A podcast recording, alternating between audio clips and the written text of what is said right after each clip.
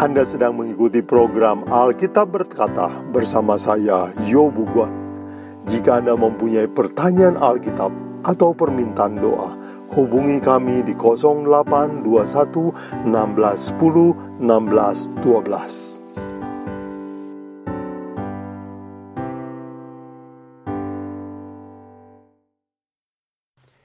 Saudara sekalian, selamat bergabung kembali dalam pelajaran Alkitab berkata hari ini.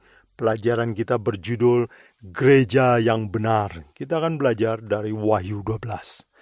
Mari kita berdoa. Bapa di dalam surga, terima kasih untuk panggilan yang mulia kami orang berdosa dipanggil untuk percaya kepada Yesus Kristus. Dari hidup kami yang berdosa ke dalam terang yang ajaib. Supaya kami bersaksi, menceritakan perbuatan yang ajaib dari Tuhan mengubah hidup kami. Bapa dalam surga kami rindu mempunyai hidup yang baru. Dan kami tahu kuasa itu hanya datang dari atas itu sebabnya Tuhan dalam belajar pelajaran ini kami meminta kuasa supaya dalam pelajaran ini kami diberikan kesanggupan dan kerinduan untuk berubah dalam tabiat kami. Bapa dalam surga, terima kasih untuk panggilan ini. Kami bersyukur. Bantu kami untuk setia, baik kami maupun keturunan kami. Diberkatilah semua pendengar. Dalam nama Yesus kami berdoa. Amin. Saudara sekalian, hari ini kita akan belajar Wahyu 12 dan kita akan mengambil judul Gereja yang Benar. Pertanyaan saudara sekalian, apakah definisi gereja yang benar? Mari kita lihat. Wahyu 12 adalah peperangan antara setan melawan gereja atau dilambangkan dengan naga melawan perempuan. Naga adalah lambang setan dan perempuan adalah lambang gereja. Mari saya baca ayat inti kita. Wahyu 12 ayat 13. Dan ketika naga itu sadar bahwa ia telah dilemparkan ke atas bumi, ia memburu perempuan yang melahirkan anak laki-laki itu. Waktu setan sadar bahwa dia dilemparkan ke bumi, maka pekerjaan yang utamanya adalah memburu perempuan, berusaha menelan perempuan. Nah, saudara sekalian, apakah yang dimaksud dengan perempuan di dalam Alkitab? Ayatnya, misalnya ada beberapa ayat, kita lihat misalnya di 2 Korintus 11 ayat 2 Paulus katakan bahwa kepada orang Korintus, orang-orang anggota gereja Korintus dikatakan bahwa saya cemburu oleh cemburu ilahi. Karena saya telah mempertunangkan kamu kepada satu laki-laki yang membawa kamu sebagai perawan suci kepada Kristus.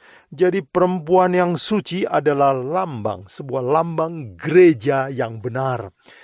Jadi di dalam Wahyu 12 ayat 13, naga memburu perempuan yang suci, itu artinya setan memburu gereja yang benar.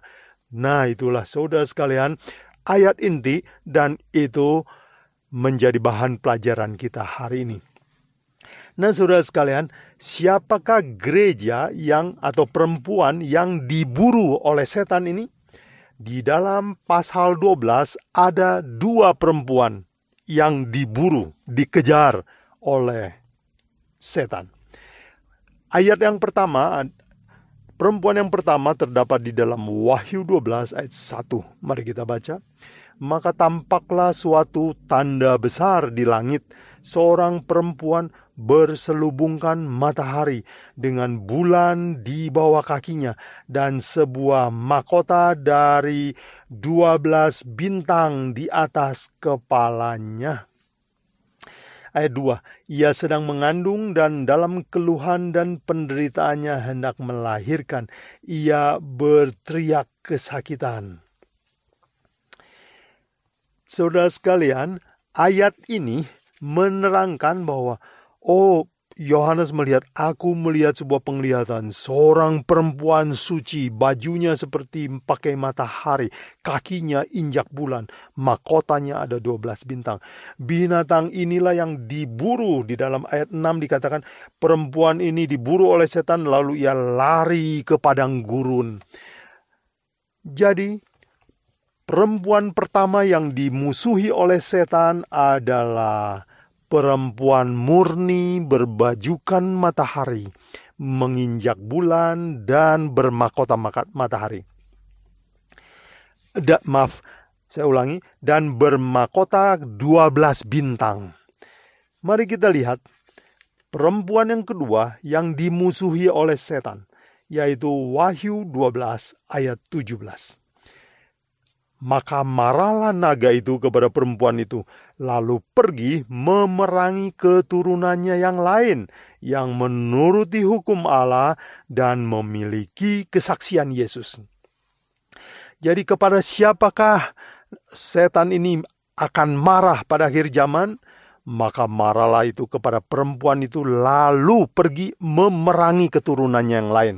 Jawabannya adalah perempuan ini akan mempunyai satu keturunan, tetapi keturunan ini setia kepada Tuhan, yaitu menuruti hukum Allah dan memiliki kesaksian Yesus. Jadi, mari kita simpulkan bahwa siapakah yang dimaksud dengan gereja yang benar? Dalam Wahyu 12 yaitu perempuan murni yang dimusuhi oleh setan, yang dikejar oleh setan. Siapakah mereka? Yang pertama, perempuan murni, pakai baju matahari, kaki injak bulan, mahkotanya 12 bintang. Siapakah perempuan kedua? Yaitu keturunan dari perempuan ini yang mempunyai dua ciri, yaitu ke satu, dia setia menuruti hukum-hukum Allah. Dan yang kedua, memiliki kesaksian Yesus. Nah, saudara sekalian, kita ingin belajar apa arti dari dua perempuan ini yang dimusuhi setan. Yang kita yakin kalau setan marah kepada mereka, berarti ini adalah wanita yang murni, gereja yang murni, gereja yang benar, gereja Tuhan. Mari saudara sekalian, kita akan belajar arti dari kedua lambang ini. Pertama, kita akan belajar wanita pertama, yaitu wanita murni, wanita suci yang pertama. Mari kita kembali kepada Wahyu 12 ayat 1. Kita kembali baca, maka tampaklah suatu tanda besar di langit seorang perempuan berselubungkan matahari. Nah, saudara sekalian, berselubungkan matahari itu di dalam bahasa aslinya itu berbajukan matahari. Jadi, misalnya dalam King James Version, dikatakan bahwa ada seorang perempuan clothed with the sun. Jadi dia memakai pakaian matahari. Nah, saudara sekalian, sekarang kita mau belajar artinya. Apa artinya perempuan?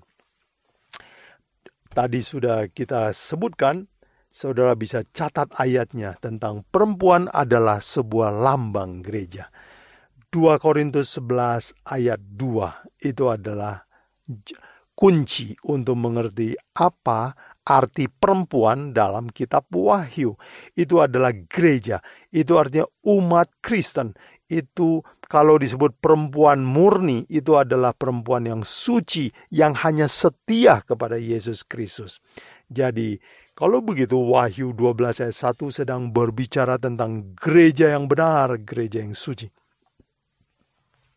Sekarang kita akan belajar kata berbajukan matahari. Apa artinya, saudara sekalian? Nah, baju di dalam Wahyu 19 ayat 8 itu diberikan kuncinya yaitu baju pakaian putih adalah perbuatan-perbuatan orang saleh. Dengan kata lain, baju adalah lambang perbuatan atau karakter. Jadi, Berbaju matahari, apa artinya matahari? Mari kita lihat kode matahari ini artinya diberikan juga di dalam kitab Wahyu. Misalnya kita lihat Wahyu 1 ayat 16. Saya baca. Dan di tangan kanannya ia memegang tujuh bintang dan mulutnya keluar sebilah pedang tajam bermata dua. Dan wajahnya bersinar-sinar bagaikan matahari yang terik. Dan siapa ini? Yesus Kristus wajahnya bagaikan matahari. Jadi kalau begitu, matahari di sini melambangkan Yesus Kristus. Kalau begitu, apa artinya seorang wanita berpakaian matahari? Artinya, dia adalah seorang Kristen murni, gereja yang benar. Karakternya ditutupi dengan karakter seperti Yesus Kristus. Itulah gereja yang benar, yaitu karakternya berubah mirip Yesus Kristus. Sekarang, Kata kunci yang ketiga yaitu dikatakan bulan di bawah kakinya. Apa artinya bulan? Saudara sekalian, bulan adalah sebuah benda langit yang tidak bersinar. Dia kelihatan bersinar karena memantulkan sinar matahari. Jadi bulan adalah pemantul. Dia adalah saksi bahwa adanya matahari ya. Dia adalah reflektor matahari. Dan ini cocok sekali untuk mengerti bul lambang bulan ini apa.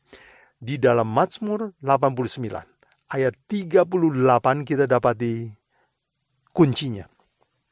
Seperti bulan yang ada selama-lamanya, suatu saksi yang setia di awan-awan, saksi yang setia. Jadi bulan itu adalah lambang saksi, saksi keberadaan matahari jadi kalau begitu, bulan adalah sesuatu yang menceritakan kebenaran Yesus Kristus. Kalau matahari adalah Yesus Kristus, berarti bulan haruslah melambangkan sesuatu yang menerangkan, memantulkan sifat Yesus Kristus. Apakah yang men menceritakan, mencatat semua kemuliaan Yesus Kristus? Mari kita lihat Yohanes 5 ayat 39 dan 40. Saya kutip, kamu menyelidiki kitab-kitab suci, sebab kamu menyangka bahwa olehnya kamu mempunyai hidup yang kekal. Tetapi, walaupun kitab-kitab suci itu memberi kesaksian tentang aku, namun kamu tidak mau datang kepadaku untuk memperoleh hidup itu. Yesus berkata bahwa walaupun kitab suci memberi kesaksian tentang aku, dengan perkataan lain, seluruh kitab suci dari kejadian sampai wahyu adalah menceritakan tentang Yesus Kristus, bukan? Kalau begitu, saudara sekalian, bulan di bawah kaki perempuan ini. Artinya apa? Artinya perempuan yang suci ini karakternya seperti Kristus, kakinya menginjak Alkitab, menginjak menjadikan kitab suci sebagai fondasinya, fondasi iman kepercayaan gereja adalah Alkitab.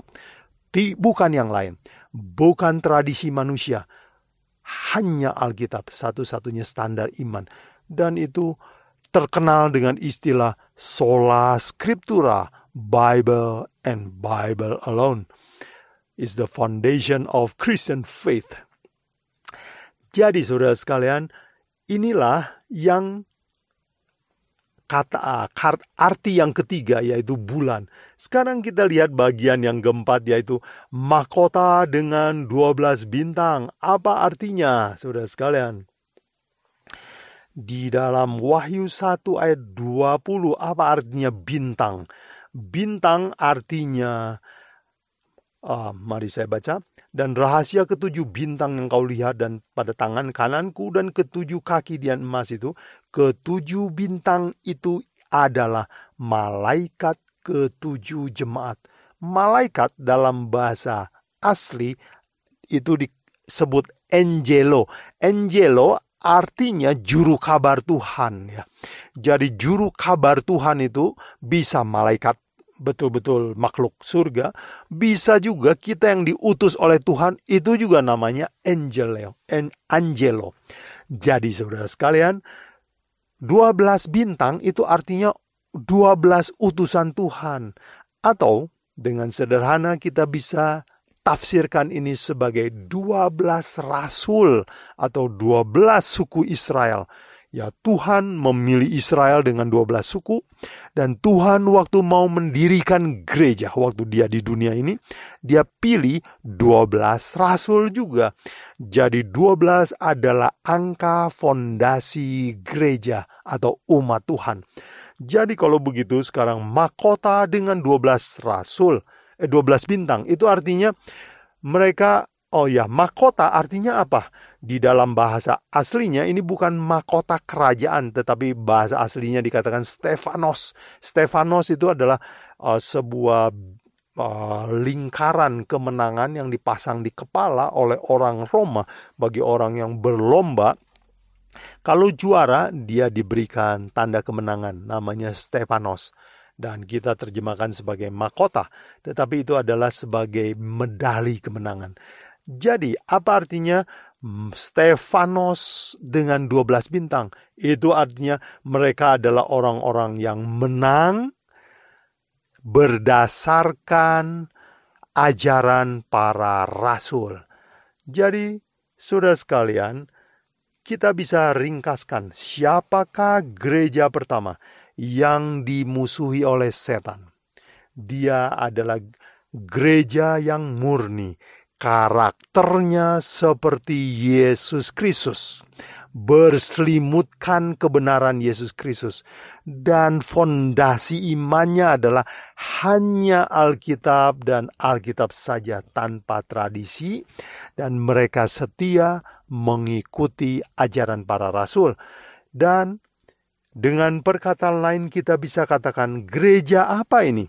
Ini adalah gereja zaman rasul gereja rasuli, orang sebutkan demikian.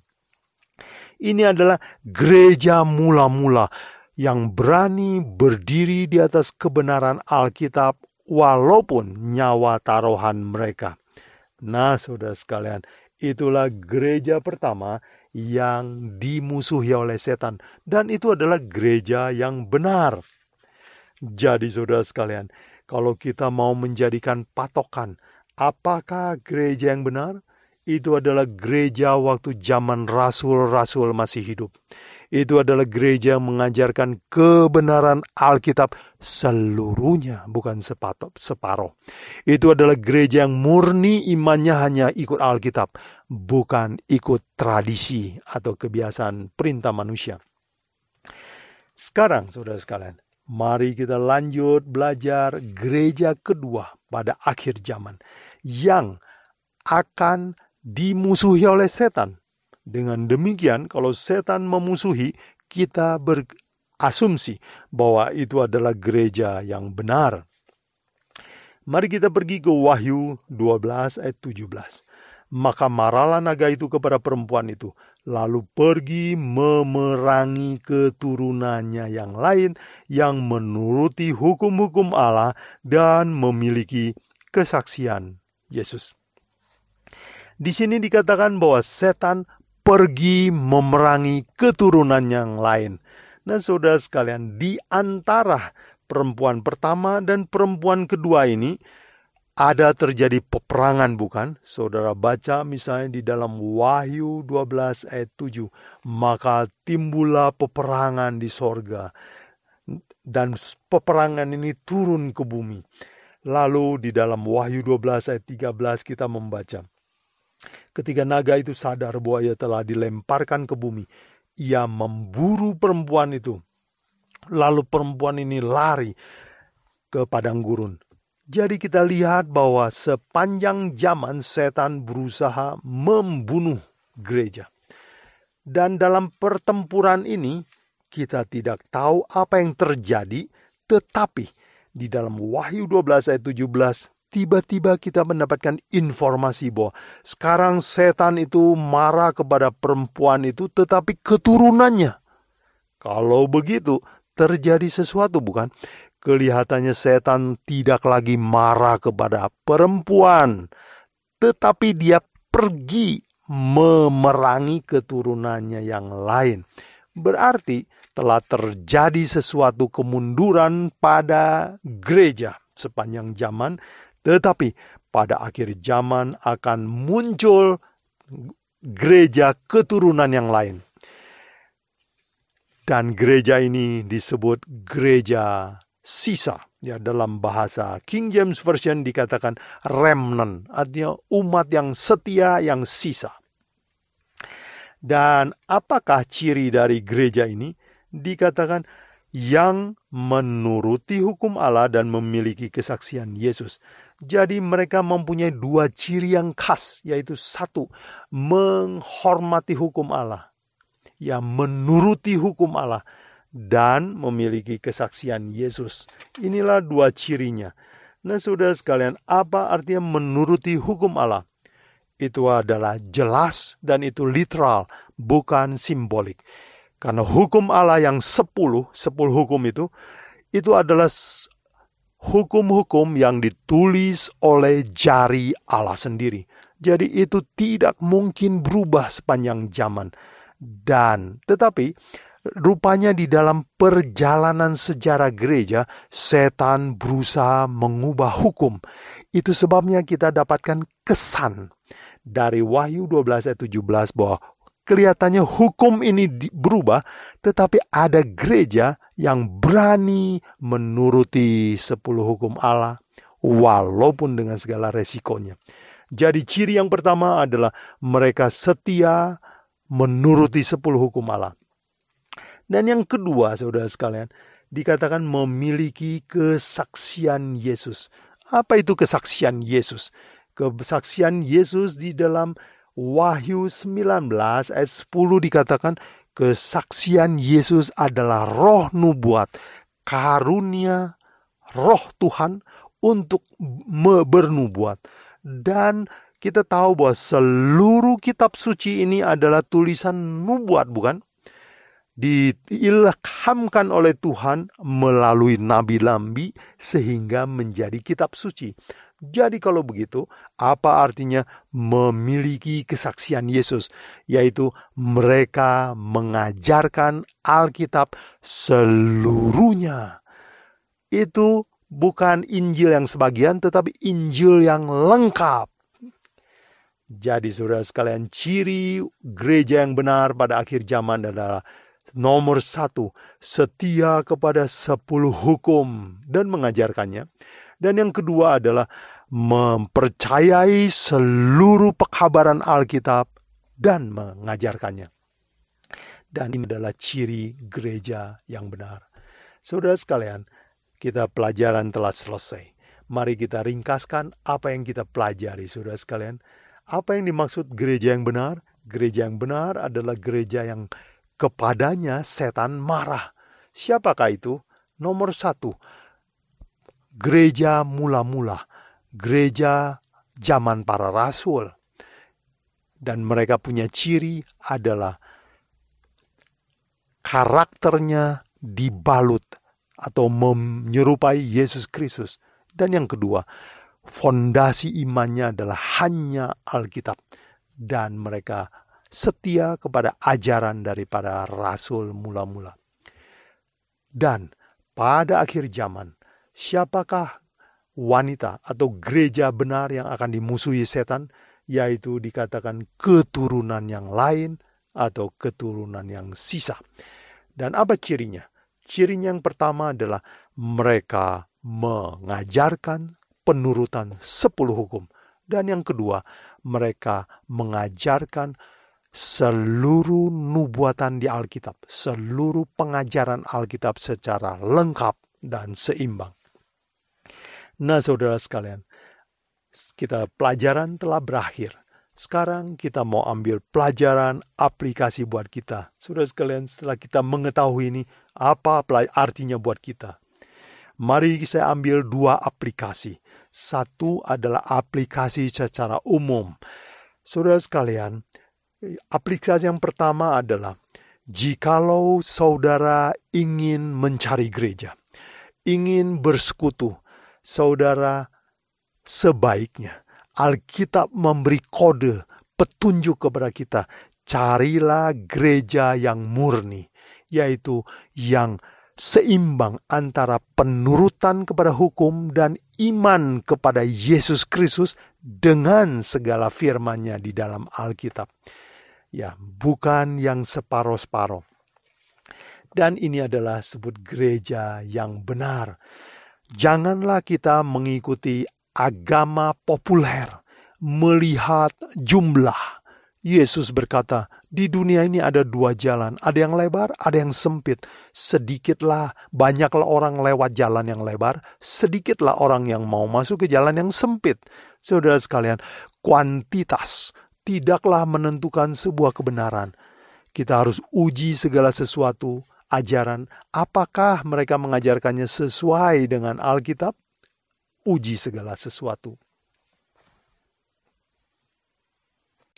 Aplikasi yang kedua, saudara sekalian, mari kita baca, yaitu aplikasi untuk pribadi kita sendiri.